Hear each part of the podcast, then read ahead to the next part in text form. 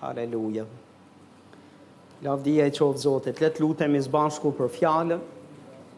O Ati i çmuar në emër të Jezusit, ne të japim ty lavdi, ne të japim ty nderin, ne të bekojmë ty se ti je i mirë, e mirësia jote zgjat për jetë. Haleluja. I bekuar qofsh Zoti ynë për jetë. I bekuar qofsh për jetë. I lavdi Zotit. Le të shkojmë së bashku Tek Hebrenjtë kapitulli trembëdhjetë Hebrenjtë kapitulli trembëdhjetë do lexojmë vargun 17 edhe vargun 18. 17 dhe 18 këto do jenë dy vargjet tona, ku do jemi duke, duke folur sot. Këto kohë kemi qenë duke mësuar në kishë se si të krijojmë një atmosferë ku Perëndia pushon, ku Perëndia vepron dhe flet dhe bën vullnetin e vet lirshëm në mesin tonë. Edhe në jetën tonë personale, por edhe në mesin tonë si kishë. Sepse Perëndia mund të ndjehet i mikpritur dhe mund të ketë vend dhe liri dhe të pushojë në një vend dhe atje ku ai ka liri, ku është i mikpritur dhe pushon, ai vepron, po në të njëjtën kohë edhe mund të jetë i përjashtuar dhe mund të jetë edhe jashtë dhe mund të mos ketë liri për të vepruar, ose nëse ka liri për të vepruar, ka liri të cunguar, shumë të limituar për të vepruar. Dhe kjo është arsyeja e këtyre mësimeve që ne të heqim limitet. Që ne t'i heqim kufijtë, t'i heqim gardhet Zotit. Dhe ta lem atë të jetë Zot në kishën e vet. Dhe ta lem atë që të, që të pushojë, të ndihet rehat dhe të bëjë vullnetin e vet në kishën e tij, në familjen e vet. Tek Zbulesa kapitulli 3 kemi thënë, Jezusi tha unë rri tek dera dhe trokas. Nëse dikush më dëgjon zërin dhe e hap derën, unë do të hyj, thotë, dhe do të ha darkë bashkë me ta. Tani, Jezusi nuk e ka fjalën se do haj darkë fizike me ne. Po është duke folur që do të ketë miqësi. është duke folur që do të kem marrëdhënie, do të kem intimitet. Do të ketë bashkësi me ne. Ama Jezusi ju, ju foli kishës. Dhe kishës është duke i thënë kishë, nuk është duke i thënë botës, pavarësisht se ne herë mbas here, nëpër ungjillizime, e përdorim këtë shkrim për të predikuar ungjillin dhe për të bërë thirrje njerëzve, që t'i hapin zemrën Jezusit dhe të besojnë në fakt ai shkrim nuk është duke ju nuk është duke ju folur jo besimtarëve, është duke i folur kishës. Dhe është duke i thanë kishës, nëse dikush e hap derën, që do të thotë Jezusi është jashtë derës kishës. Jezusi është jashtë. Ai ka dëshirë të hyjë brënda, po ai nuk hyn me dhunë, sepse nuk është pjesë e natyrës tij. Pjesë e natyrës tij është atje ku është i mirëpritur. Kur dikush ia dëgjon zërin, kur dikush do që të hajë të ketë miqësi me të, kur dikush e mirëpret dhe ia hap derën, ai hyn dhe ha darkë bashkë me të. Jezusi nuk shkon pa ftuar, nuk bën asgjë pa ftesën tonë, as të drejton, as s'bën gjëra me pak fjalë, po nuk ia kërkove dhe nuk do që ai t'i bëjë për ty. Prandaj jemi duke folur si të krijojmë një atmosferë të atillë mikpritëse për Perëndinë. Pikërisht për një nga gjërat që është dhe i lutem Zotit që ndërsa do jem duke ndarë këtë mesazh, ju të merrni zemrën e Zotit në këtë që do të jem duke folur. Sepse është është nga ato uh, tema që janë të nxehta. Janë nga ato tema që janë shumë të nxehta. Që sapo fillon e flet për këto gjëra, duket sikur besimtarët menjëherë ku e ka pastori? Ça e ka ndër mend pse është duke mësuar pastori dhe mos vallë dikush këtu në kishë është duke u sjellë apo është duke bërë një veprim e një sjellje të tillë që e ka detyruar pastorin të mësojë për këtë gjë Dhe jam këtu për ju thanë, jo. Po jua them që në fillim. Kështu që rehatohuni. Dakord? Dhe i lutem Zotit që të ta prezantoj këtë mesazh në atë mënyrë të balancuar që të marrim zemrën e Perëndisë. Të marrim zemrën e Perëndisë në këtë që jemi duke mësuar. A jeni këtu? Atëherë, le të shkojmë bashkë, do lexojmë fjalët e Pastor Fatmirit, kapitulli 13, vargu 17 deri në 18. A thamë kështu? Atëherë, ato do t'i lexojmë.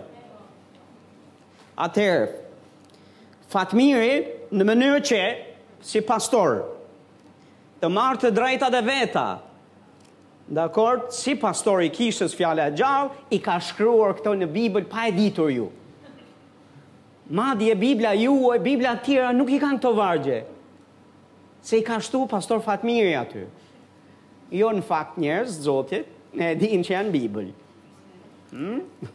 nuk është version i ri është versioni i biblës dhe është njeriu i zotit që po i flet kishës Le të dëgjojmë ça i thotë kishës. Thotë dëgjoni të parët tuaj dhe nënshtrohuni atyre. Kjo fjala nënshtrim dhe dëgjim sot duket sikur është fjalë mallkimi. Po jam këtu për t'ju thënë që kjo është fjalë bekimi. Fjala nënshtrim është bekim.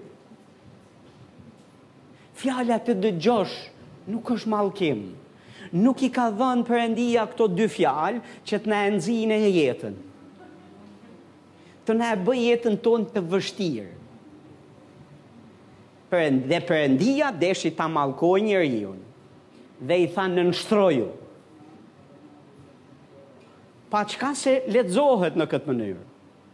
Dhe para se të vazhdoj më tutje, po të lexoni tek Efesianët kapitulli 5, ju do të gjeni se apostulli Pali flet kishës dhe i thot do të vinë kohë të vështira, ditët janë të mbrapshta, dhe thot mos u tregoni të pakujdesshëm, por jeni të mençur. duke shfrytëzuar kohën sepse ditët janë të mbrapshta. Po në qoftë se lexon nga ai moment e mbrapa, ai flet për mbushjen me frymën e shenjtë, thotë mos u dehni me verë, por mbushuni me frymën e shenjtë. Fletini njëri tjetrit me himne, psalme, me këngë frymërore. Nënshtrojuni, thotë menjëherë njëri tjetrit. Pastaj, mbasi thotë nënshtrojuni njëri-tjetrit, kalon menjëherë flet për familjen, bu, marrëdhënien burrë-grua. Dhe gjëja e parë që thotë është ju gra nënshtrojuni burrit tuaj porsi Zotit. Dhe pastaj nuk e le me aq, po shkruhen edhe nja dhjetë vargje se si burri duhet të sakrifikojë dhe japë veten e vet Ta dojë gruan e vet siç e do Zoti kishën. Ta mbrojë. Ta dojë si vet trupin e vet. Ta dojë si vet jetën e vet. Ama është duke folur për marrëdhënien burrë grua. Pastaj mbasi mbaron këtu, kalon tek marrëdhënia fëmijë prindër. Dhe thotë ju, ju fëmijë, nënshtrojuni, përsëri fjala nënshtrim. Thotë nënshtrojuni, bindjuni prindërve tuaj. Dhe thotë dhe do jetë me premtime që do kesh jetë gjatë në tokë nëse bindesh. Pastaj i thotë prindit, ju prindër, mos i zemroni fëmijët tuaj. Mbasi mbaron këtu, kalon te një Gjë tjetër, flet për marrëdhëniet zotëri shërbëtor, marrëdhëniet e punës, atje jashtë familjes. Dhe unë besoj se nuk janë rastësisht pikërisht këto gjëra, mbasi ai ka thënë ditët janë të mbrapshta. Dhe menjëherë mbas këtyre thotë Sepse beteja jonë nuk është kundër mishit dhe gjakut, por kundër principatave, pushteteve, frymërave të mbrapshta në vendet e errësirës, na tregon si duhet t'i luftojmë, por më dëgjoni pak me vëmendje. Çfarë është duke fol në fakt Apostulli Pal. Apostulli Pal është duke parë në korridoret e kohës njerëz të Zotit. Dhe është duke parë që Familja do të jetë nën sulm. Kisha do të jetë nën sulm. Hmm? Marrëdhënia me njerëzit do të jetë nën sulm. Marrëdhënia me njëri tjetrin do të jetë e sulmuar. Dhe nevoja për të, nevoja për për për të mësuar bindje dhe nënshtrimin do të jetë shumë jetike dhe thotë duhet të sillemi si të mençur, si të urtë, jo të pakujdesshëm. A jeni duke dëgju, për shembull, në kishë, të jesh i mbushur plot me frymën e shenjtë. Të jesh në zjarr për Zotin. Mos u trego i pakujdesshëm. Dhe flitini njëri tjetrit, që do të thotë me njëri tjetrin ne duhet kemi duhet kemi marrëdhënie. Duhet të ulemi me njëri tjetrin.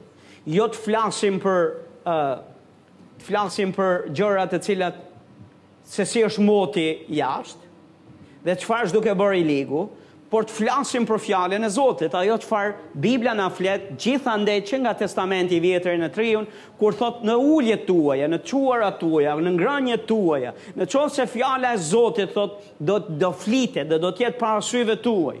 Veshve tuaj dhe do do i flisni fjalën e Zotit njëri tjetrit, thotë do të jetë ditët tuaja do të jenë si ditë qielli në tokë. Dhe prioritet për kishën dhe njerëzit e Zotit është sigurisht që flasin dhe për gjëra të tjera, ne nuk jemi, domethënë, jemi duke thanë që mos fol për asgjë tjetër. Se është gabim, por kryesorja duhet të jetë fjala e Zotit. Psalme, himne, inkurajime, Shkrimet e Zotit, sepse kështu mbajmë zjarrin e ndezur dhe jemi plot me frymë. Po njerëz Zotit, ajo ça ndjej dhe ça shoh është që në këto kohë, nën sulm të madh është është sistemi i Zotit, sistemi hierarkik i Zotit, i vendosur nga Perëndia. Dhe është në një sulm të paparë demonik në këto në këtë kohë. Dhe fatkeqësisht kisha e Zotit, kisha e Zotit që duhet të jetë e mençur dhe e urtë dhe të kuptojë kurthet e të ligut në këtë mes, ka rënë kokë e kambë shumë herë në kurthet e të ligut dhe është bërë pjesë e kurthit të ligut në gjithë këto gjëra që që do janë duke fol dhe janë duke sulmu dhe nuk po e nderojnë hierarkinë e Zotit, sistemin e Zotit. Dhe çfarë do t'ju them pastori? Pse ka rëndësi ky mesazh? Sepse në qoftë se ne nderojmë hierarkinë dhe sistemin hierarkik të Zotit, Në kishë, në familje, në një shtet, në një komb, flasim marrëdhënia shtet njerëz. Burrë, grua, fëmijë, prindër. Në qoftë se sistemi hierarkik i në kishë, të parët e drejtuesit e kishës dhe kisha, në qoftë se nderohet dhe respektohet hierarkia, Perëndia vepron. Sepse Perëndia nuk anashkalon sistemin e tij për të na u përshtatur, për t'iu përshtatur tekave të njerëzve. Ai ka sistemin e vet njerëz Zotit dhe sistemi i tij funksionon. Nuk kemi nevojë për shpikje të reja. Nuk kemi nevojë për sisteme të reja. Sistemi nuk ka faj. Kush ka faj mund të ketë faj njeriu dhe ka ndërhyrje demonike që përpiqen që të sfumojnë sistemin e Zotit, por sistemi i Zotit nuk ka faj. Nuk është me problem sistemi. Më leni pak t'ju shpjegoj se ça e kam ndërmend. Në kishë, Në kishë ka drejtues që abuzojnë me autoritetin që Zoti ju ka dhanë. Abuzojnë besimtarët, abuzojnë me shumë gjëra të cilat me me të me pozitën dhe autoritetin që Zoti ju ka dhanë. Dhe unë mund të ndaloj këtu dhe t'ju jap shembuj pa fund. Po në të njëjtën kohë shikoj edhe që ka besimtarë në kishë që janë rebel, janë qafëfortë, janë të padëgjushëm, janë të panënshtruar ndaj autoritetit.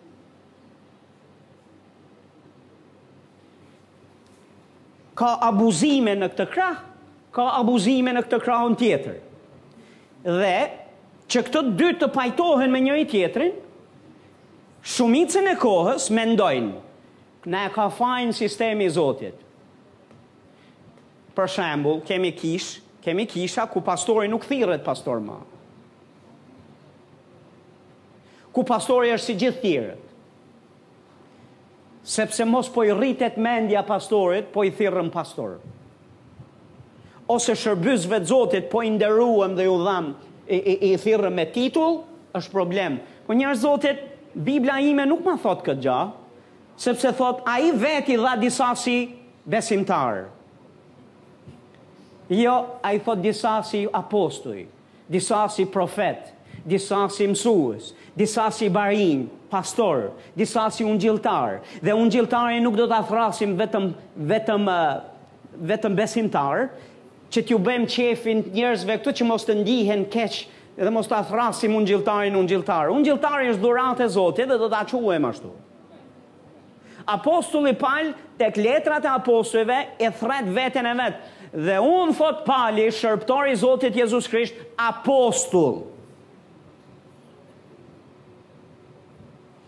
i thirrur nga Perëndia. Dhe në ca vende thotë jo nga njeriu. Dhe në ca letra kishte njerëz të cilët e vinin në diskutim thirrjen e Palit si apostull. Dhe Pali ndalon dhe thotë, Nuk më thirri njeriu, e më leni t'jau shpjegoj, unë jam thirrë nga Zoti dhe këto janë shenjat apostolike të miat. Dhe mbron thirrjen e vet. Dhe nuk është duke u mburrur, dhe nuk është duke thanë që unë jam më me vlerë se sa ju. Po është duke mbrojt rolin dhe thirrjen që Zoti i ka dhanë. Ndërkohë që sot në kishën moderne për shkak të këtyre abuzimeve të dy palëve,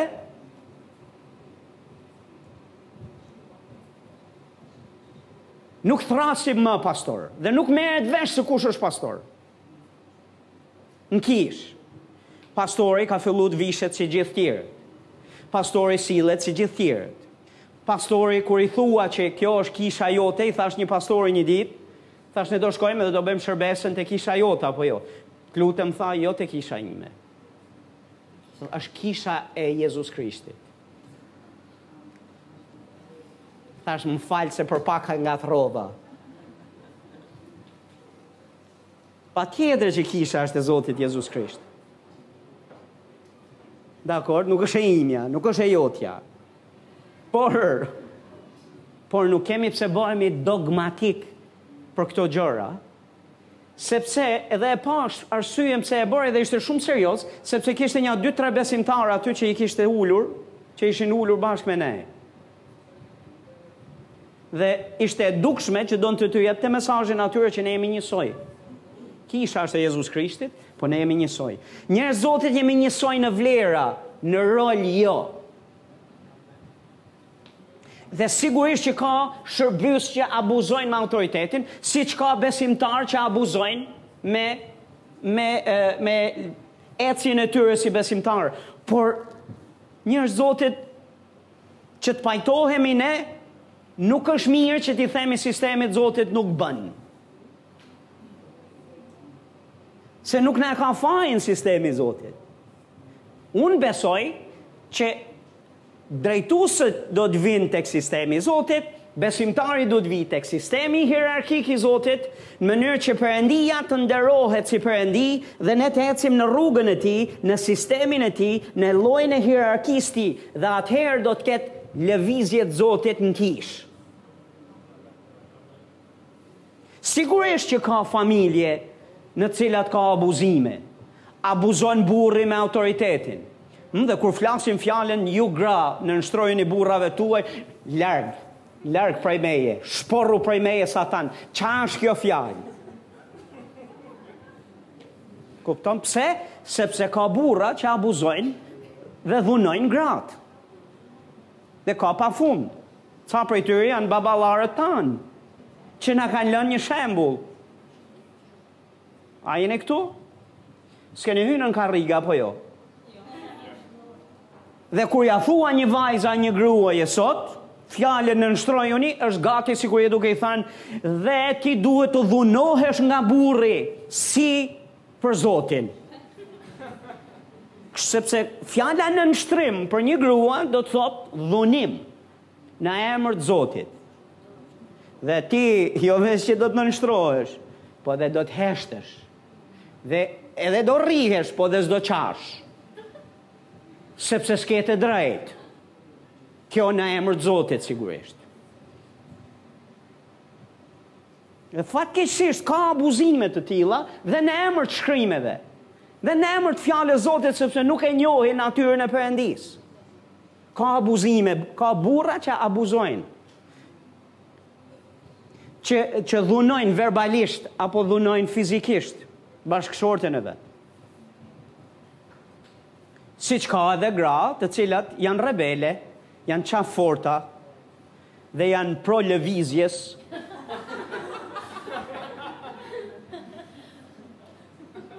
Ça lëvizje është? Lëvizja feministe. Edhe ne mund të bëhemi saldatore. Edhe ne mund të marrim shpatën dhe të luftojmë si Skënderbeu. Edhe ne mund t'i bëjmë që të gjitha, po moj motër, edhe ti mund t'i bësh gjitha. Po të shkon ma shumë të jesh femër. Po moj motër, kur ta japim dorën, është okej, mund ta kesh si të Skënderbeut. Mund ta kesh si të Skënderbeut, po do ishte më mirë, ta kishe pak ma të butë.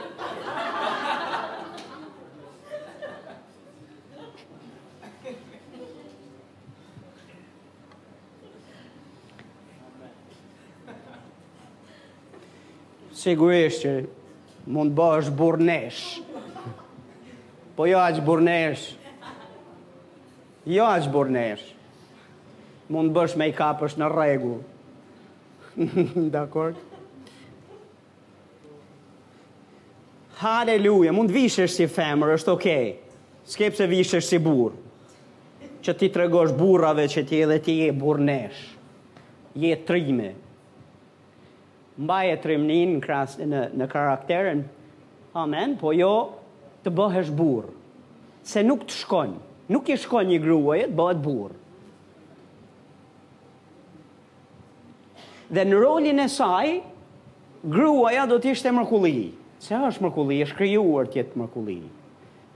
Amen.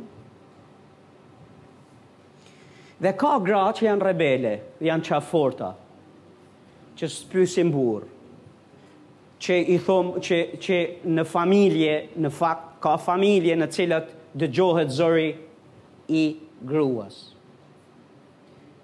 Dhe në sensin kur them dëgjohet zëri i gruas, jam duke thënë që roli i autoritetit në familje nuk është tek burri, po është tek gruaja.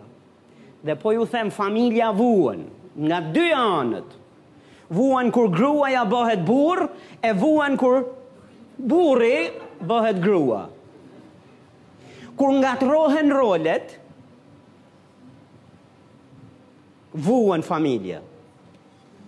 Nuk sh- akordohen gjërat. Pse? Se Perëndia e ka vendos vetë sistemin.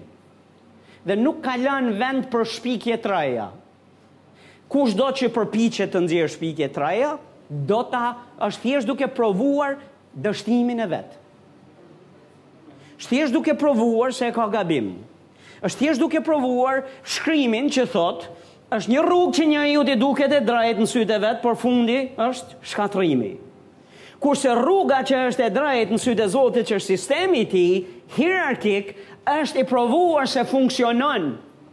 Dhe çfarë duhet bërë është të dy palët duhet përqafojnë sistemin e Zotit dhe jo ta luftojnë sistemin e Zotit.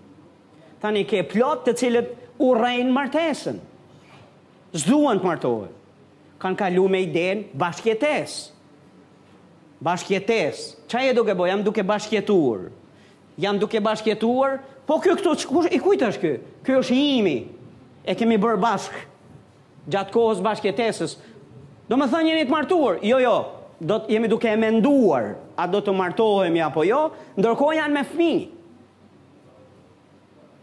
dhe kanë zgjedhur rrugën e bashkëjetesës. Ca të tjerë kanë zgjedhur rrugën jo të martohet me grua. Unë si burrë të martohet me grua, unë mund të martohet me një burrë.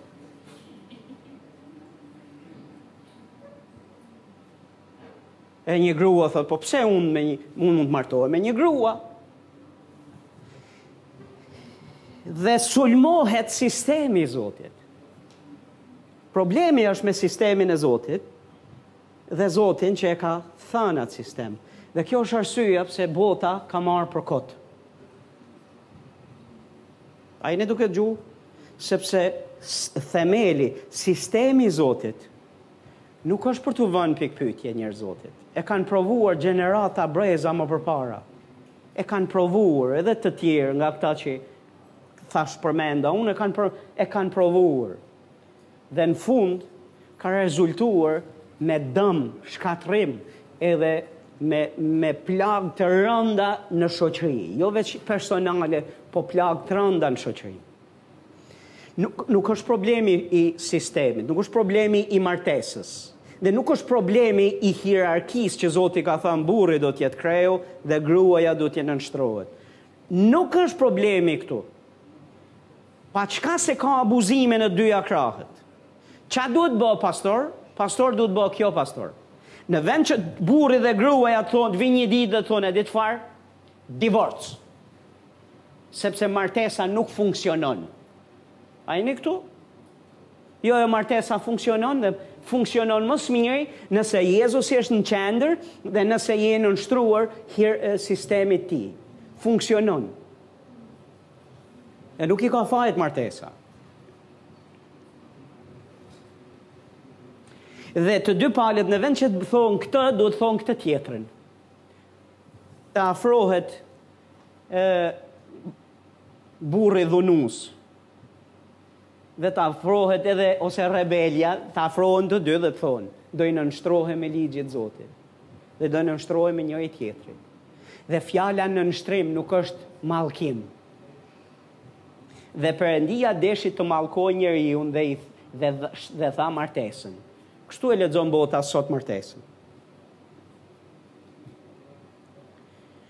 Edhe në kishë ka abuzime.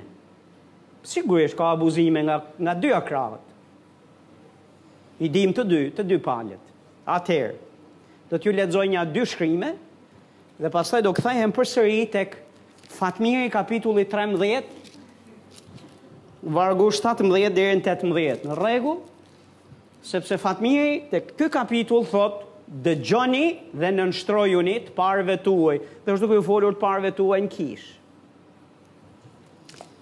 Dhe do t'ju lexoj nja dy pasazhe nga fjala e Zotit. Do shkojmë tek Numrat kapitulli 12. Numrat 12. Dhe do ju lexoj vargu 1 deri tek vargu Gjashtëmbëdhjetë Miriami dhe Aroni, thotë, iu kundërvunë Moisiut me fjalë. Lavdi Zotit që nuk kapën gurë dhe nuk bënë më shumë se sa kaq, veç me fjalë. Po iu kundërvunë, thotë Moisiut.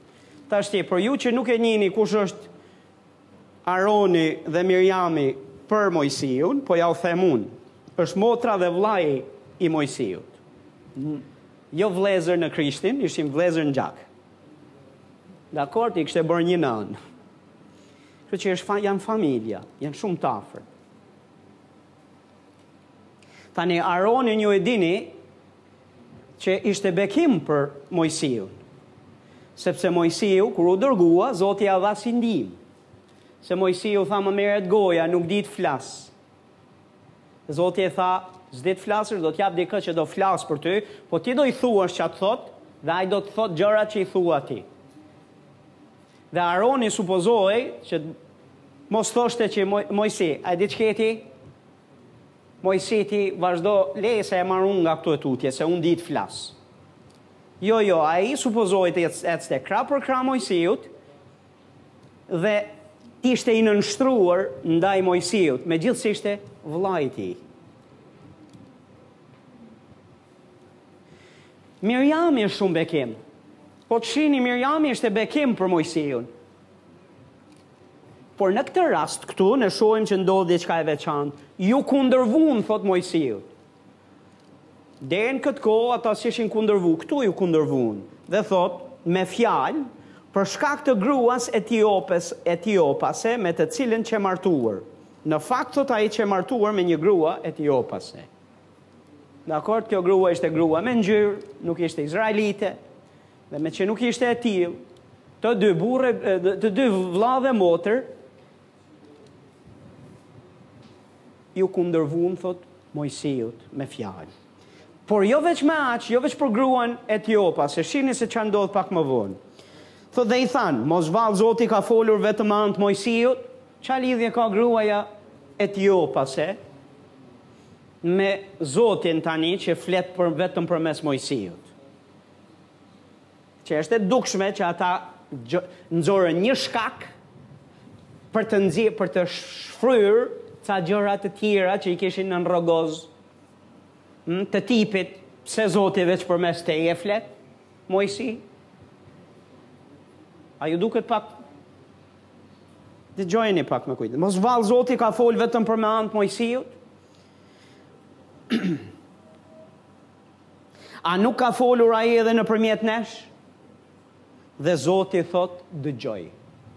Po mos është thanë ai gjë të madhe. Zoti ka folur, po në fakt foli edhe përmes atyre, edhe përmes. Po kjo e folur ishte për kundërvënie. Kjo e folur ishte për ishte kundër Mojsiut. Dhe Zoti thotë dëgjoj. A jeni këtu? Thot sepse Moisiu thot ishte një njeri shumë zemërbutë. Më tepër se kushdo mbi faqen e dheut, ky është një varg. Dhe kjo është dëshmia e Zotit për Mojsiun. Thotë ishte zemërbutë.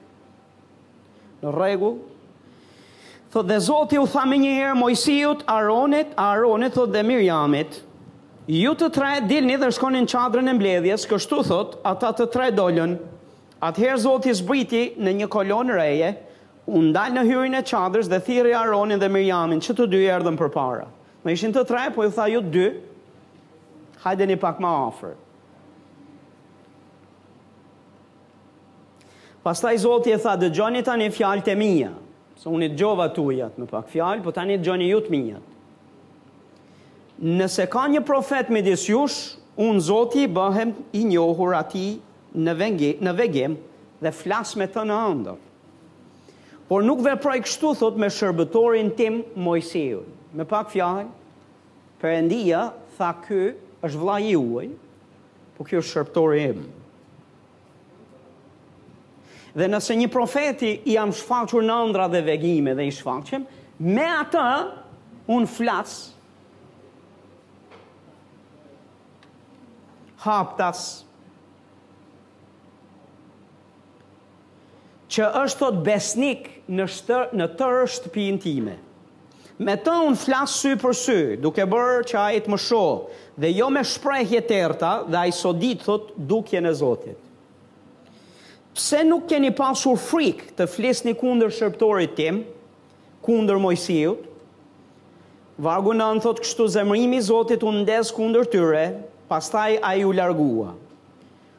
Kur Reja u tërhoq nga pjesa e sipërme e çadrës, Mirjami ishte bërë lebroze e bardhë si bora.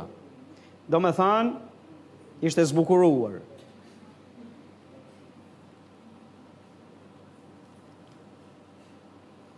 Dhe Aroni thot i tha Mojsiut, o Zoti im, mos na ngarko me fajin që kemi kryer nga budallallëku dhe mëkatin që kemi bërë. Mos lejo që ajo të jetë si një e vdekur, mishi i së cilës është gjysmë i konsumuar kur del nga barku i nënës. Kështu Moisiu thirri Zotit, duke i thënë, Shëroje, o Perëndi, të lutem. Atëherë Zoti iu përgjigj Moisiut, Po ta kishe pështyrë, po ta kishte pështyrë i ati në fytyrë, nuk do të ishte ndofta e turpëruar shtatë ditë? Izolojeni pra jashtë kampit shtatë ditë. Pastaj pranojeni përsëri. Miriamin thotë e izoluan jashtë kampit për shtatë ditë dhe populli nuk e filloi marshimin e tij derisa Miriami të ripranohej në kamp. Pastaj populli u nis thotë nga Hatserothi dhe ngriti kampin e tij në Paran. Uau, çfarë historie. Në rregull. Këtu është një histori ku vëlla dhe motër ishin aq familjar me shërbëtorin e Zotit, sa që e kaluan gardhin, e kaluan kufirin dhe u grindën thotë me Mojsiun. Iu kundërvunë atij. Iu kundërvunë për gruan e tij etiopase, sepse për mendjen dhe konceptet e tyre kjo ishte një vendim i gabuar. Dakord. Dhe së dyti, ne shohim që nuk ishte vetëm aq, kishin dhe ca gjëra tjera nën rrogoz. Dakord që i thanë pak si me si me si tërthorazi që të nënkuptohet. Zoti flet veç përmes Mojsiut, nuk as nuk thanë flet veç përmes teje o vla, Hm? E kishin vlla apo jo? Po nuk i thanë vetëm përmes Mojsiut, që do thotë iu kundërvunë dhe e trajtuan në një mënyrë shumë pa nderim dhe pa respekt. Dhe Zoti thotë i dëgjoi këto fjalë. Dhe ata thanë gjithashtu Zoti na përdor dhe ne. Unë ju mësova radhës kalu, një nga radhëve, se si ne në trup, Duhet të mësojmë t'i nënshtrohemi njëri-tjetrit dhe Zoti mund të përdorë secilin prej nesh në trupin e Krishtit, përmes dhuntive të frymës dhe një arsye pse nuk ka frymë të Zotit që lëviz fuqishëm nëpër shërbesa, është sepse nuk nuk o nuk o besimtarët nuk marrin pozitën e tyre ta lenë frymën e Zotit veprojë ose drejtuesit në kishë ose në kisha nuk ka liri që të tjerët të bëjnë naj gjë përveç Një përveç drejtuesit. A jeni këtu? Sepse besojmë se fryma do të përdorë këdo dhe të gjithë në trup. A jeni këtu? Kjo është në testamentin e ri. Por njerëz Zotit, tani të marrësh këtë, Këtë të vërtetë dhe të hedhësh poshtë hierarkinë dhe sistemin hierarkik të Zotit, këto kundërshtojnë dhe dhunojnë dhunojnë natyrën e Zotit dhe fjalën e tij. Dhe Perëndia nuk e përqafon atë gja. A jeni këtu? Vëlla dhe motër ishin familjarë aq shumë sa e kaluan dhe çfarë ndodhi Perëndia thotë u mor me ta dhe gjykimi i Zotit erdhi mbi Mirjamin, në fakt erdhi dhe mbi Aronin, veçse nuk u ekzekutua në moment, është ekzekutuar ca kohë më vonë në Shkrimin e Shenjtë. Mbasi hoqi rrobat e priftit, rrobat e shërbesës, Bibla thotë, ai ra i vdekur.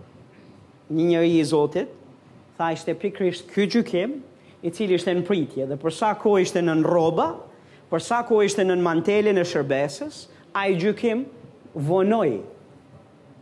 Po momentin që e la, ai gjykim erdhi. A jeni këtu? Tani kjo është një anë ku abuzohet drejtuesi.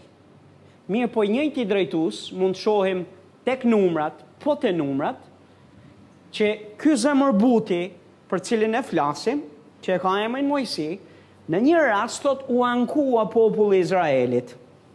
Dhe e ngriti zërin dhe i tha, Këtu nuk ka as shegë, këtu nuk ka as, as ujë për të pirë. Dhe u grindën, thotë, me Moisiun dhe me Aronin. Dhe Moisiu dhe Aroni shkuan çadrën e Zotit dhe Zoti u tha, kur u lutën, Zoti u tha, atëherë, mblidheni gjithë popullin, dhe para gjithë popullit, ju do t'i flitni, ti do t'i flasësh, i tha Moisiut, shkambit. Dhe unë do të bëj që të dalë ujë që aty. Dhe po, Moisiu doli që aty, dhe kur doli bashkë me Aronin, mblodhi të gjithë popullin, dhe mbasi mblodhi gjithë popullin, në vend që t'i fliste shkambit, do shihni tek numrat 20, vargu 9, kështu thotë Moisiu dhe Araoni thotë, thirrën në asamblen përpara shkambit, dhe Moisiu u tha atyre, tani dëgjoni o rebelë, O shumë të dashur rebelë. Hmm, nuk është e folur, nuk është e folur mirë, apo? Wow. Thotë dëgjoni o rebelë, jashtë natyrës Moisiut. Jashtë sjelljes Moisiut deri në këtë ditë, deri në këtë moment. O rebelë thotë, a duhet të nxjerrim ujë për ju nga ky shkamb? Kjo është pyetja. Tani pyetje, kush do të nxirrte ujë nga shkëmbi? Mojsiu dhe Aroni? Po ata e morën personale dhe iu thanë deri atë ditë Deri në këtë ditë me ankimet që ata kishin bërë, ata e, gjithmonë Mojsiu i kishte drejtuar tek Zoti dhe i kishte thënë që mos ngrini krye kundër Zotit. Dhe Zoti për ca, Zoti për cilin ju keni folur kështu, do të ndërhyjë për ju. Do t'ju jap këtë, do t'ju jap. Kësaj radhe, Mojsiu kaloi cakun, e kaloi kufirin. Dhe ku e kaloi kufirin, tha, a mos vallë, thotë, ne do të bëjmë që të dalë ujë nga shkambi për ju? A duhet të nxjerrim ujë për ju nga ky shkëmb?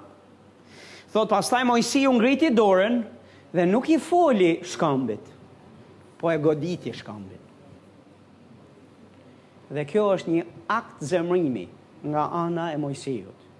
Moisiu ishte i zemëruar kur foli dhe iu tha rebelë, Moisiu në rebelim e si, në të zemërimin e sipër, sepse ishte lodhur nga ankesat e tyre, në vend që t'i fliste shkëmbit, e goditi shkëmbin, që është shenjë zemërimi, dhe jo vetëm aq, por nuk i dha lavdi Zotit. Atë lavdi e mori dhe vëmendjen e mori te vetja, duke thënë që a duhet që ne Të nxjerrim ujë nga shkambi për ju. Dhe, për çudi, shkambi nxori ujë. Edhe pse Moisiu ishte në zemrim dhe ishte duke operuar në këtë frymë. Ama Zoti i thirri pastaj pak më vonë dhe ju do shihni dhe u betua dhe i tha Moisiut këtë gjanë. Ti, ju nuk do të hyni në tokën e premtuar. Dhe ju do të gjeni në shkrime që iu lut Mojsiu, e iu lut Mojsiu, disa herë që Perëndia të ndrronte mendje dhe Perëndia nuk ndërroi mendje. Dhe Mojsiu pak pa hyrë në tokën e premtuar. Zoti e thirri dhe i tha Mojsi, a i dalim një xhiro nga mali, dhe u ngjitën bashkë me ta, dhe s'u kthy ma. A jeni këtu? Dhe Zoti e ndëshkoi për çfarë? I kërkoi llogari për çfarë? Sepse, jo veç se u zemrua, por sepse ia mori lavdinë Zotit, dhe nuk ia dha, refuzoi t'i japë lavdinë që i takon Zotit. Atë lavdi e mori vetë, ai dhe Aroni. Dhe për këtë arsye, thotë Bibla, Perëndia mori këtë vendim. Ja ku kemi dy raste njerëz të Zotit. Njëri rast është kur ky Moisiu zemërbutë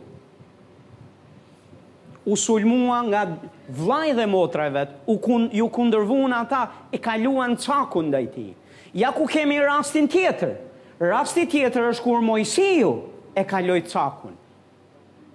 Abuzoi edhe Popullin e Zotit, po edhe kaloi cakun në marrëdhanien me Perëndinë.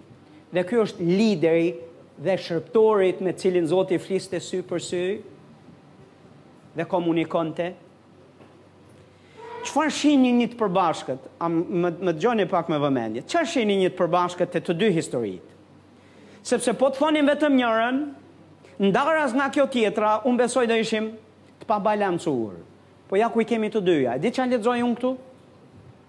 A doni ta dini ça lexoj unë? Unë lexoj këtë gjanë. Që nëse je i ulur në karrige, apo je këtu ku jam unë, në këto këpucët e mia, ne të gjithë kemi përgjegjësi përpara Perëndisë. Dhe të gjithë do të japim llogari për mënyrën se si trajtojmë njëri-tjetrin, qoftë mënyra si ju trajtojmë ne ju, a si trajton drejtuesi njerëzit e, e, e popullin e Zotit, apo si trajton populli i Zotit njeriun e tij. Faktori Zot duhet pas në mendje gjithkohës. Dhe nëse nuk duam që Zoti t'na thotë, ti dhe ti, hajde në çadër se kam një bisedë me ty, Dhe se nëse nuk do të hysh në permanentin e Zotit, pastor, ne jetojmë në testamentin e ri. Jezusi vdiq në drurin e kryqit dhe ky Zoti gjykatës që e shohim këtu në testament është në testamentin e vjetër, pastor. Perëndia nuk bën nuk nuk gjykon në këtë mënyrë më. Njerëz të Zotit, Jezusi nuk vdiq që të ndryshojë Atin Perëndi dhe që ta bëjë që të qetësohet se ishte i zemëruar. Dhe t'ia ndryshojë natyrën Zotit, Atit. Dhe po i thoshte, At, prit edhe pak, prit edhe pak, prit edhe pak, sa të vdes unë në kryq dhe pastaj qetësohu ti. Se ti je i zemëruar, por unë do të të qetësoj. Dhe do të të ndryshoj, o Atë, se njeriu s'ka nevojë për ndryshim, po ti ke nevojë për ndryshim. Prandaj unë po vdes në kryq që ti të shpëtohesh. Jezusi nuk vdiq që të shpëtohet Ati Perëndi dhe të ndryshojë Ati Perëndi. Ati Perëndi është i pandryshueshëm, nuk ndryshon kurrë. Dhe Ati Perëndi dërgoi Jezusin që të ndryshojë njeriu. Jo të ndryshojë ai. Ati Perëndi dërgoi Jezusin që ne të nderojmë hierarkinë dhe sistemin e Zotit dhe jo të rebelojmë kundër sistemit të tij. Sistemi i tij funksionon. Ligjet e tij funksionojnë. Një njeri i Zotit e ka thanë kaq bukur. Ligjet e Zotit dhe ligjin, ligjet, siç është ligji i gravitetit, siç janë ligjet e natyrshme dhe janë ligjet e Zotit. Po i dhunove, do të të dhunojnë ty. Dhe unë them, i nderojmë ato. Amen. Tani nga të dyja krahët, sigurisht pastor. Po kur abuzon pastor drejtuesi? Perëndia do t'i japë, do t'i kërkojë llogari. Po kur abuzon ti, Perëndia do të ndërhyjë. Dhe ne duhet kemi nderimin e Zotit dhe frikën e Zotit në zemër gjithë kohës. Dikush thotë? Amen. A jeni këtu apo jo? Tani do shkojmë te Fatmiri 13, se do marrë kuptim. Fatmiri 13, kapitulli. Ja m'u gris dhe kjo, kjo do të thotë që është shenjë. Është shenjë nga Zoti që do ta grisim këtë big, këtë letër se na bezdis. Megjithatë, unë do ta shtrëngoj edhe për pak. A jeni, a jeni duke regjistru ju atje, të paktën ta kemi audio, që po na humbi fleta, haleluja, e kemi të shkruar diku. Thotë dëgjoni të parët tuaj, Dhe nënshtrojuni atyre. Janë të dyja fjalët. Fjala dëgjoni është duke thanë bindjuni. Nuk është duke thanë vetëm dëgjo dhe mos bëj ça të thuhet. Është duke thanë bindu. Gjënë që e dëgjon, dëgjoje me vëmendje dhe dëgjoje me zemër se është për të mirën tënde dhe bëje, vëre në praktikë. Dhe, kur ta bësh, thotë, nënshtrojuni, fjala nënshtrim ka të bëjë me qëndrimin e zemrës. Ka plot gjëra që ne mund t'i bëjmë në bindje, po i bëjmë pa, pa nderim dhe pa nënshtruar. Për shembull, do ta bëj se ma tha pastori ose ma tha kushdo edhe në familje dhe kudo ku je. Të thotë autoriteti apo të thotë dikush bëje një gjë, ti mund ta bësh atë gjënë. Po gjatë rrugës je duke turfulluar e duke thënë, po e bëj. Ska faj ai. Po po. Se nuk e di ai se ç'a do të thotë kjo puna këtu. Dhe këto mund të mos jesh duke i thënë me gojë. Po mund të jesh duke i thënë këto për brenda. Fëmija mund t'i thotë këto ndaj prindit.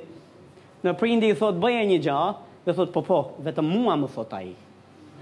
Hmm, vetëm me mua e ka. Nuk më le rehat. Ja, sa isha qetësuar, ai... Këto i thotë këtu, ndoshta prindit s'ja thotë dot. Se me ja thanë prindit, me qenë prind si puna ime, ndoshta nëse ka për të ecë një kilometër, do ta bëje dy. Dhe gjithë fëmijët e mi të thonë. Amen. Aman, thonë fëmijët. A jeni këtu? Tani, çfarë thotë nënshtroju? Nënshtrimi ka të bëjë me nderimin. Që do të thotë, unë do ta bëj, dhe do ta bëj si për Zotin, sepse nderoj atë që është i parë mbi mua. Do ta bëj këtë punën, nuk më pëlqen. Është jashtë personalitetit tim dhe është jashtë ekspertizave të mia. Me thënë të drejtën, nuk e kam me qejf, por e bëj gjithsesi dhe do ta bëj mirë dhe do ta bëj për nder të Zotit dhe atij që kam para meje. Dhe as nuk do flas me veten time, dhe as nuk do shkoj t'ju flas besimtarëve dhe t'ju them Pastori, apo i pari, të parët, kudo që janë, bënë këtë, më kanë shtyrë, kanë bërë, kanë kërkë, kërkuar gjëra të cilat janë, që unë s'dua t'i bëj. Po unë besoj që njerëzit e Zotit duhet të jenë të kujdesshëm. Po kur flasim për fjalën dëgjesë, jemi duke folë nga dëgjesa frymore, deri tek dëgjesa e gjërave më të thjeshta. Të dëgjosh dhe të nënshtrohesh kujt të parëve tuaj.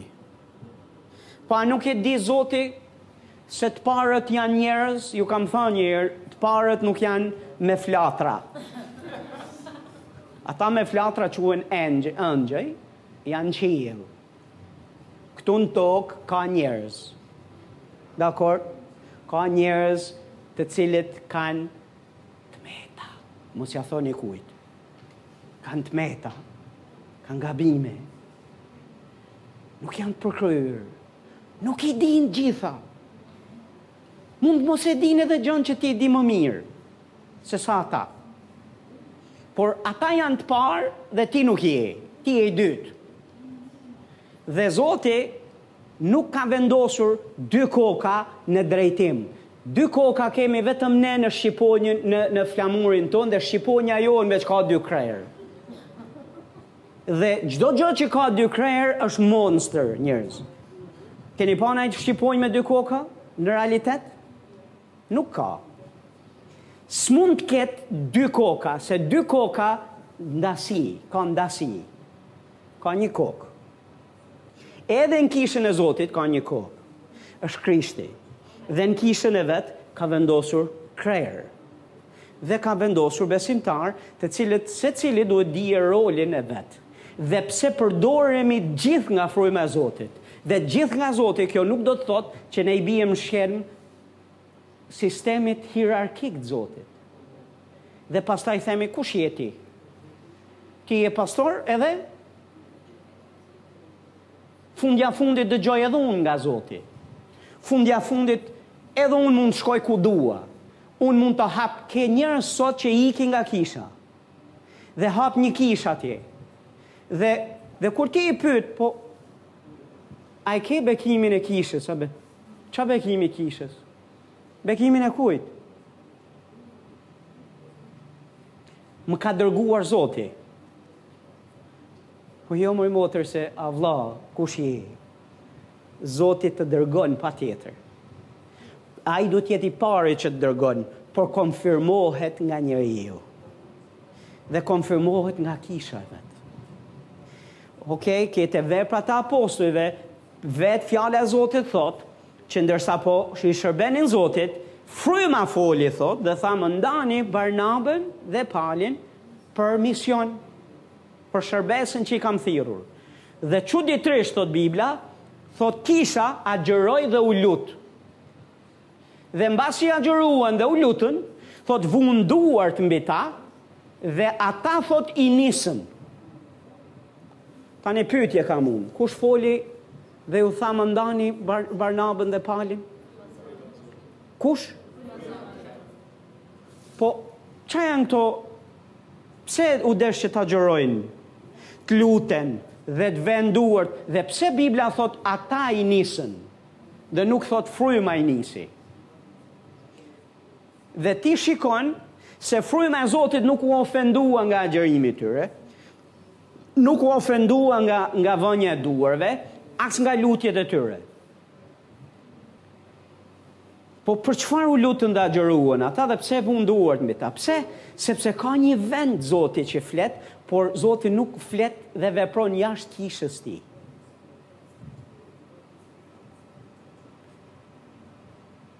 Më ka folur zoti që të hap një kishë. E mbaj mend njërin që erdh me këtë idenë këtu në kishën tonë. Një herë para ca kohësh, para se të vinte te kjo vendim, tha zoti, më ka më ka thirrur që të jem ungjilltar. Dakord? Ti je ungjilltar? Dil e ungjillizo pra. Se ungjilltari këtë bën. A jeni këtu? Nëse e thirr veten ungjilltar, ungjilltari këtë punë bën. Pastaj mbasi doli me ungjillizu, erdhi në pikën që tha jo, do shkoj nëpër kisha. Dhe dua të shkoj që të predikoj nëpër kisha që që t'ju tregoj atyre ungjillin e vërtetë që s'e kanë dëgjuar kurrë në jetën e tyre. Imagjinon tani kisha s'e ka dëgjuar kurrë në jetën e vet, Ungjillin. Dhe në ato kisha ku shkoi, ishin miqtë e mi, që unë e di që ishin të e dinin Ungjillin. Ishin të shpëtuar, minimumi pastorët të shpëtuar. A jeni këtu? Ok, shkoi edhe atje. Mbas ca kohësh, nuk zgjati shumë, erdhi dhe thotë, Më ka thirrur Zoti që të jem pastor dhe që të hap kishë. Dhe një nga gjërat që ai individ nuk i kishte ishte durimi. Dhe më lini pak t'ju them një sekret për pastorin. Pastori ka nevojë për këtë frut se s'bën. Dikush të thotë amen. I duhet kjo frut. Në dashtë të jetojë gjatë në jetë. Dhe t'u shërbejë kishës. Pa iu thënë mirë se erdhët o rebelë. Do një ujë, do një shërbes, në vend që, që mos shkojë te te kjo pika, ka nevojë për këtë frutin. Dhe ky frut i mungonte vllajt. Po a kishte njeri me, me ia thanë, sepse kishte ardhë në një pikë që as nuk ia thoje dot, sepse po t'ia thoje, e merrte si kundërshti, e merrte si, e, sikur unë isha kundër, ne pastorët ishim kundër thirrjes Zotit në jetën e vet. ishte më tepër me na drejtu mua dhe gruan time. Jo, seriozisht, jam duke e thanë këtë se jemi duke qesh. Po individi në fjalë ishte i bindur se Zoti e kishte dhënë këtë këtë këtë ëndër. Dhe kishte dhënë këtë mesazh nga qielli që pastori është kundër thirrjes tonë. Dhe ne do të bëjmë atë që duam. Gjithsesi. Dhe djali ishte i bindur se pastori është xheloz për të, për thirrjen e vet.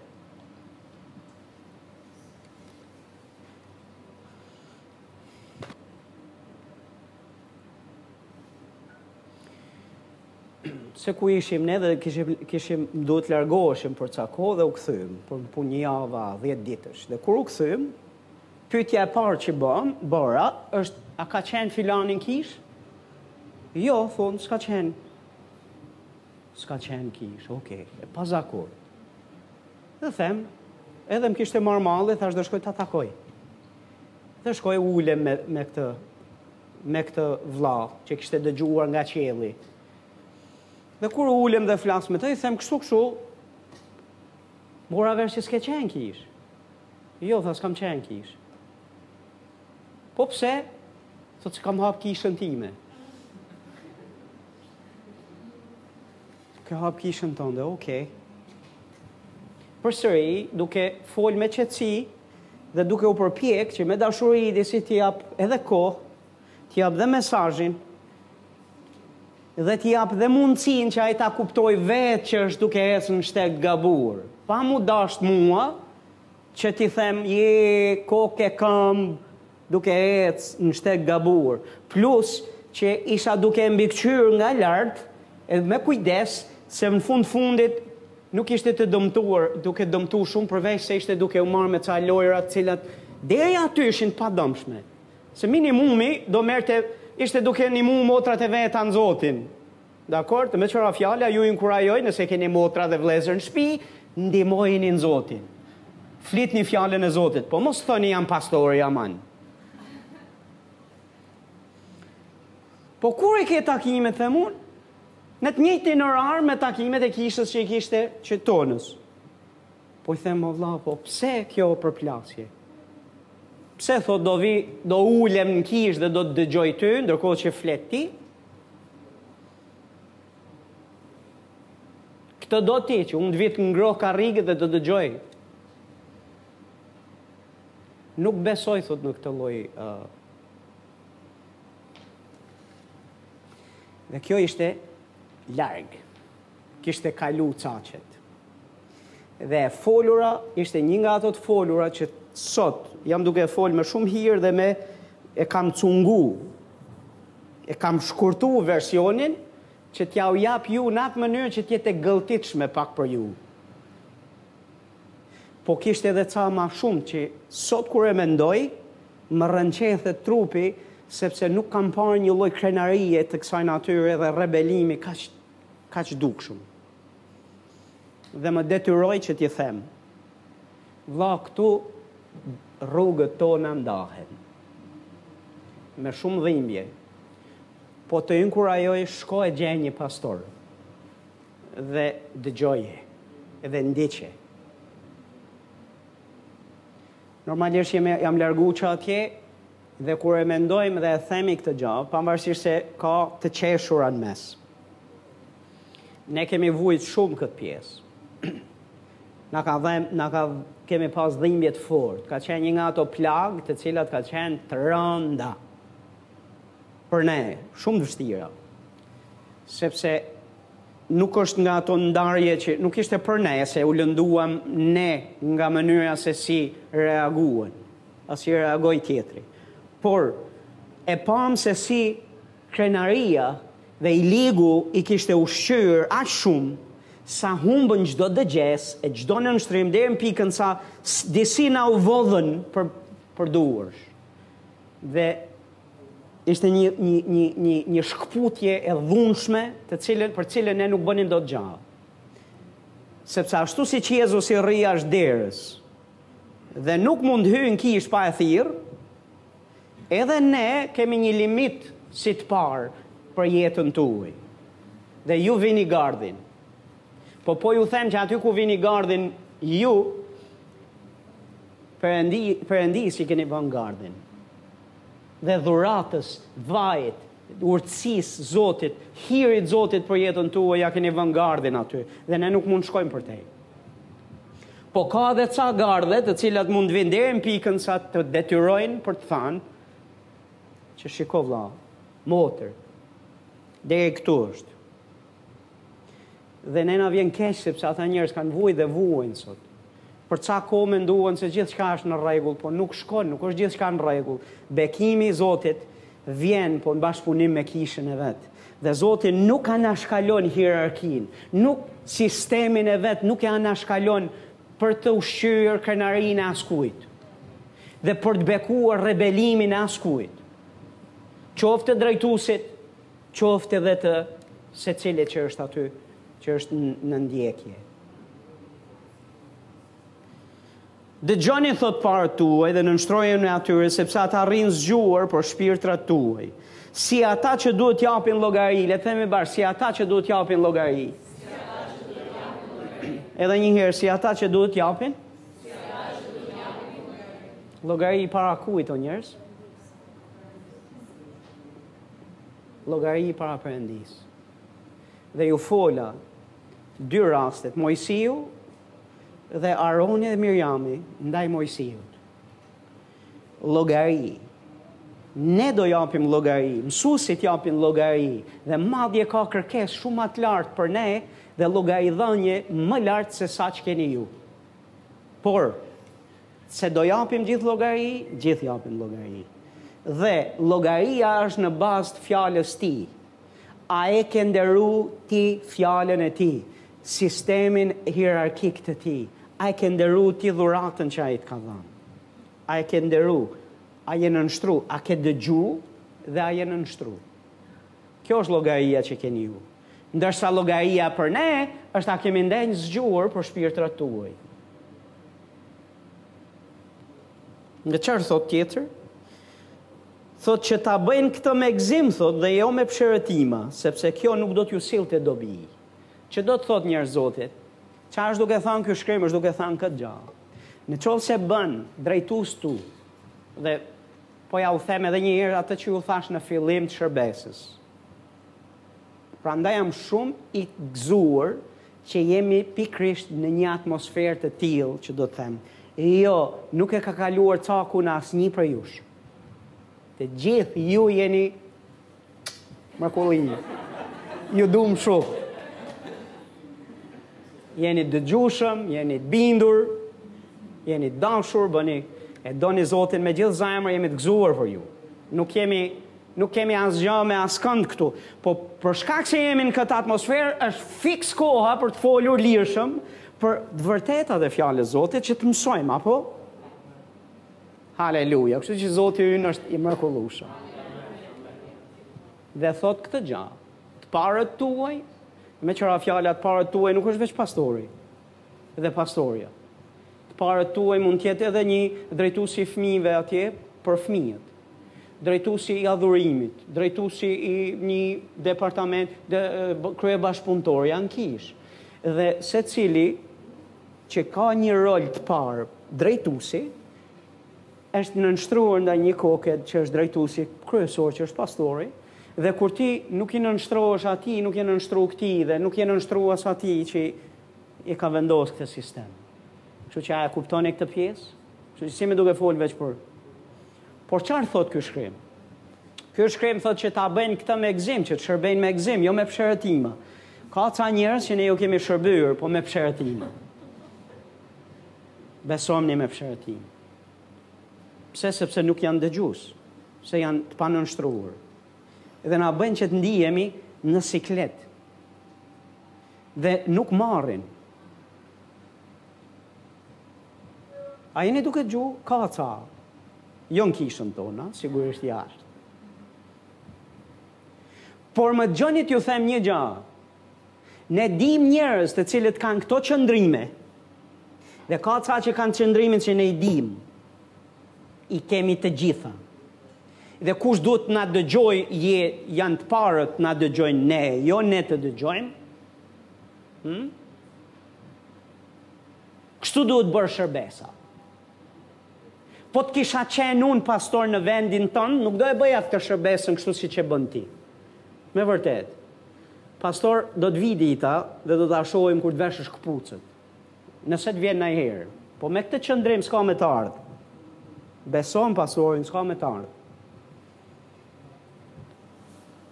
Ta bëjmë me gzim, jo me psherëtima. Pse? Sepse Zoti e di që ku bëhet me gzim një shërbesë, aty rrjedh vajosja e Zotit, rrjedh hiri i Zotit.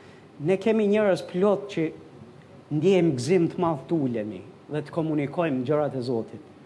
Dhe është e jashtëzakonshme hiri që rrjedh përmes nesh. Është, ne gëzohemi sepse tjetri rritet, bekohet, ec përpara. Ka ca që nuk rritet, nuk ec, nuk ec asgjë, nuk jepet gjë. Se s'merr.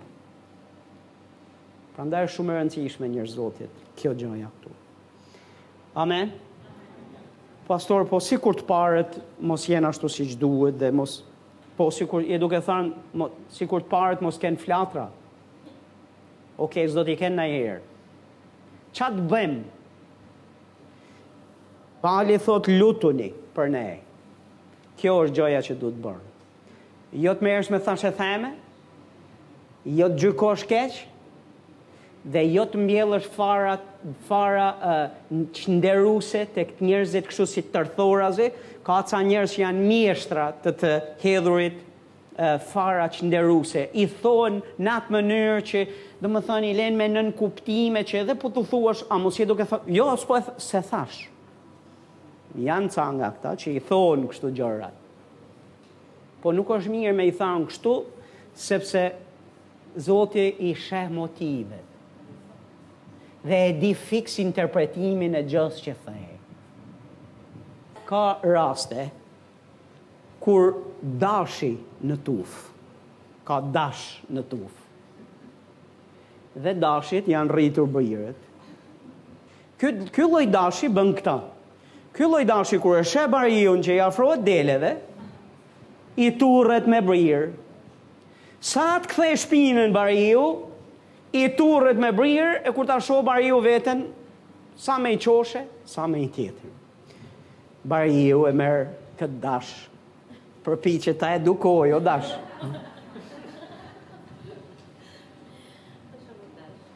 O dash. Jo kështu o dash. Jo të hysh ti mes deleve dhe dhe dashi do t'i, ka tendencën për t'i mbrojtur. Për t'i mbrojtur se i vjen një çikë, i duket se bariu është kërcnus, kërcënim për ta. Dhe çfarë ndodh me këtë dashin thoni ju? Sa prej jush e dini se ç'i ndodh dashit? Dashi e ka bo veten minimumi për ta shitur, për të bekuar naj kishë tjetër me të. Minimumi, maksimumi me i pre brirët, ose me e izolu nga tjerët, Dhe jam këtu për t'ju thënë që edhe në kishë ka ca të cilët përpiqen me bo rolin e dashit. Zakonisht jo të rinjtë në besim. Dhe gjithë të vjetrit që kanë vite në besim, të thonë aman o pastor. Po këta të cilët kanë ca vite në besim, që besojnë se i dinë ca shkrime, kanë marrë, kanë mbaru ca shkolla Bible, mm, mendojnë se kanë marrë eksperiencë dhe kanë dinë, mm? Kur shohin se naj gja e bon bariu jo në mënyrën si ju pëlqen atyre, marrin rolin mbrojtës dhe marrin këtë rolin mes deleve dhe Alo. E dëgjova atë që tha pastori sot, ishte e pabalancuar. Pastori foli gjatë sot, me thanë drejtën ka fol shumë gjatë dhe po të kisha qenë unë Po të kisha qenë unë, këtë gjanë këtu do ta thoja kështu. Jo si e tha dhe e mësoi ai ashtu. Ose ka folur pastori, pak më vonë kemi komentatorë të pastorit, të cilët thonë, pastori ka dashur të thotë. Pastori ka dashur të thotë atë që tha. Dhe nuk ka nevojë për komentatorë më vonë. A jeni këtu? Dhe këtë rolin ju lutem rezistojini sa të mundeni. E di që është tundim i madh, po rezistojini sa të mundeni. Pse? Sepse pastori i do delet. Dhe të do dhe ty si dash. Amen. Dhe nëse je dash, bëhu i dobishëm për tufën. Që do të thotë, që do të thotë kur dal tufa, i pari që duhet t'prijë je ti. Dhe uli brirët, pastor, jo të shkosh mbas dhe të gjesh ku është ul, ku s'po sheh pas, ku s'po sheh bariu. Po uli brirët, pastor, edhe sigurohu që edhe delet tjera do ndjekin shembullin tënd. Dhe ti ndiq drejtuesit e tu siç ndjekin Krishtin dhe siç duhet dhe drejtuesi yt të ndjekë Krishtin. Amen. Dikush thotë Amen. A mësuam ca gjëra me vlerë apo jo? Tani njerëz të Zotit, nuk kemi shumë, nuk kemi më kohë, por tek ungjijtë, na flitet për rastin e Kornelit. Më falni, Centurioni. Centurioni kishte të sëmurë shërbëtorin e vet. Dhe erdhi tek Jezusi. Në fakt nuk erdhi vetë, po i dërgoi pleq, pleq të Izraelit, që ai të fliste fjalën që shërbëtori të shërohej. Dhe kur u takua me Jezusin, sepse Jezusi po shkonte drejt shtëpisë, I tha të lutem mos hyr në shtëpinë time, se nuk jam i denjë. Por ti vetëm flit fjalën. Dhe shërbëtori im do të bëhet mirë. Dhe thotë ca gjëra që janë madhështore, thotë. Unë thotë kam dikë mbi vete. Kam dhe shërbëtorë nën vete. Dhe thotë kur ata thonë një gjë, unë e bëj. Kur unë them një gjë, ata poshtë meje e bëjnë. Dhe Bibla thotë kur Jezusi e dëgjoi këto fjalë, thotë u mahnit. Prandaj tha ti vetëm fol fjalën. Pse? Dhe Jezusi tha u mahnit dhe tha nuk kam gjetur besim kaq të madh në gjithë Izraelin. Pse u mahnit Jezusi? U mahnit se ky centurion Kishte kuptuar hierarkinë, si funksionon sistemi i Zotit, sistemi i autoritetit të Zotit. Dhe kur thuhet një fjalë me autoritet nga një autoritet, duhet bërë, duhet bindur. Dhe në këtë mënyrë, ngaqë ai e dinte se funksionon ky sistem si duhet, I tha Jezusit, Ti fol fjalën, që do të thotë, fjala jote është autoritet për mua. Fjala jote është dhe ka pushtet për mua. Ti vetëm fol fjalën dhe shërbëtori im do të shërohet. Më lini t'ju them një gja, në atë masë që ju keni nderim ndaj të parëve tuaj dhe fjalët e tyre, për ju janë fjalë si fjalët e Zotit. Dhe keni nderim për ato fjalë dhe i merrni me besim dhe seriozisht ato fjalë, sidomos fjalë kur janë nga shkrimi i shenjtë, i merrni si të Perëndisë dhe i merrni me nderim. Jo sikur po i thotë njeriu, po sikur po i thotë Zoti, ato fjalë do të që mbajnë fuqi kanë për ta beku jetën. Dhe Jam duke e mbyllur. Në këtë atmosferë, Perëndia lëviz. Në një kishë ku secili di rolin e vet. Dhe vlerat, vlerat i kemi njësoj. Rolet janë ndryshe. Përgjegjësitë janë ndryshe. Llogaridhënia është ndryshe. Funksioni është ndryshe. Dhe Perëndia nuk e anashkalon sistemin e vet dhe hierarkinë që të vijë dhe të merret me ty në rrebel dhe dhe të ushqejë rrebelim. Perëndia nuk ushqen rrebelim kurrë, as konfuzion dhe as krenari. Në Testamentin e Vjetër na flitet për Agarin. Sa prej jush mbani mend Agarin? Agari ishte gruaja me cilën Abrahami fjeti. Dhe pati grindje, thotë, Sara me Agarin. Dhe për shkak të grindjeve, Agari u largua, mori Ishmaelin me vete, dhe u largua e hidhëruar, thotë, u largua në shkretirë dhe po ikte. Dhe një angjëll i Zotit iu shfaq dhe i tha, Kthehu dhe nënshtroju zonjës tënde, Sarës. Kthehu. Dhe kjo është thënia e Zotit për të gjithë. Kthehu. Okej? Kthehu sepse Zoti nuk bekon largime të tilla. Dhe nuk bekon qëndrime të tilla. Dikush thotë amen. Njerëz të Zotit, aty ku i nderohen shërbëtorët e vet, ajo shpi nuk mbetet e shkretë. Ata që thonë, tha Jezusi, i bekuar qoftë ai që vjen në emrin e Zotit, Nuk do jetë e shkretë, por do ta shohë Jezusin, përmes kujt, përmes atij shërbëtori që është dërguar në emrin e tij. Por Jeruzalem, Jeruzalem, tha. Sa kam dashur t'ju mbledh, unë. Po ju keni vrarë profetët, keni vrarë të dërguarit e mi. Dhe tha, ja do t'ju mbetet shpia e shkretë, Dhe nuk do të më shihni ma derisa të thoni i bekuar qoftë ai që vjen n'emër të Zotit.